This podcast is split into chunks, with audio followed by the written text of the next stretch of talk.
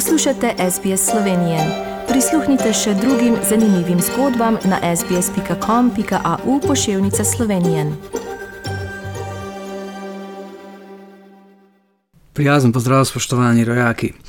Parlamentarne volitve so za nami in če je verjeti napovedim relativnega zmagovalca, bomo novo vlado dobili v rekordnem času, v manj kot 30 dneh po ustanovitveni seji novega sklica državnega zbora.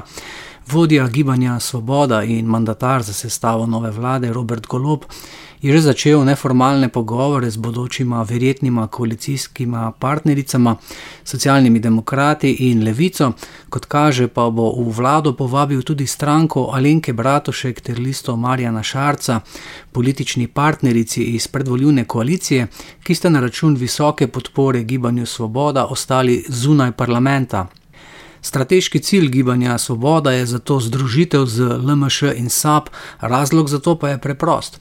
Gibanje Svoboda kot nova, a daleč najmočnejša stranka v državi nima zastopstva v Evropskem parlamentu, poleg tega pa nima omembe vredne lokalne organizacije, s katero se lahko pohvalita LMŠ in SAP.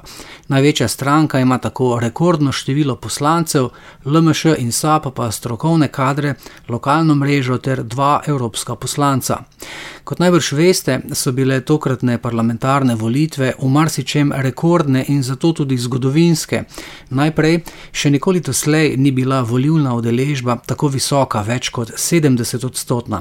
Še nikoli doslej ni ena sama stranka dosegla 41 poslanskih mest od 88, kolikor jih je dobilo gibanje Svoboda.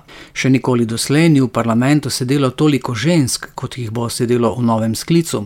V državni zbor se jih je uvrstilo kar 36, kar predstavlja 40 odstotkov vseh poslancev.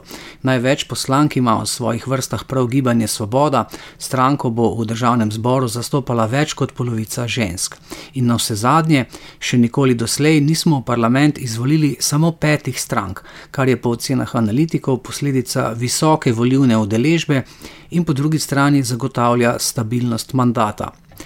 Dosedanja vladajoča slovenska demokratska stranka Jana Zajanše ter njena koalicijska partnerica Nova Slovenija bosta v opoziciji, nobena stran pa za zdaj ne izključuje sodelovanja pri pomembnih temah. Kako se bodo karte po ministerskih resorjih razdelile na novo, še ni znano, je pa Golob že napovedal, da bo eden prvih ukrepov nove vlade sprejetje strategije in priprava na morebitni jesenski val epidemije koronavirusa, še posebej na področju šolstva in zdravstva. Do prve polovice junija, ko se bo predvidoma oblikovala 15. slovenska vlada, bodo vidni tudi že obrisi politične jeseni.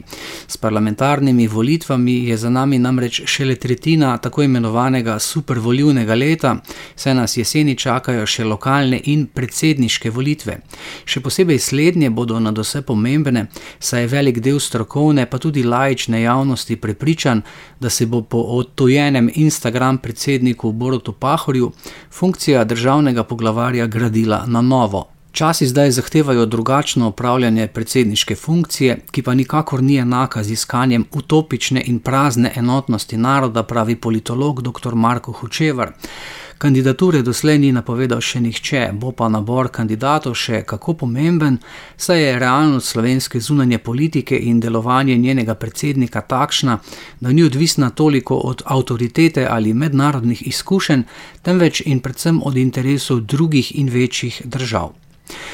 Za konec pa le še nekaj številk, ki ponazarjajo, kako bomo v luči vse višjih življenjskih stroškov in trenutne politične situacije zaradi globalnih dogodkov, na katere nimamo dosti vpliva, živeli v bližnji prihodnosti.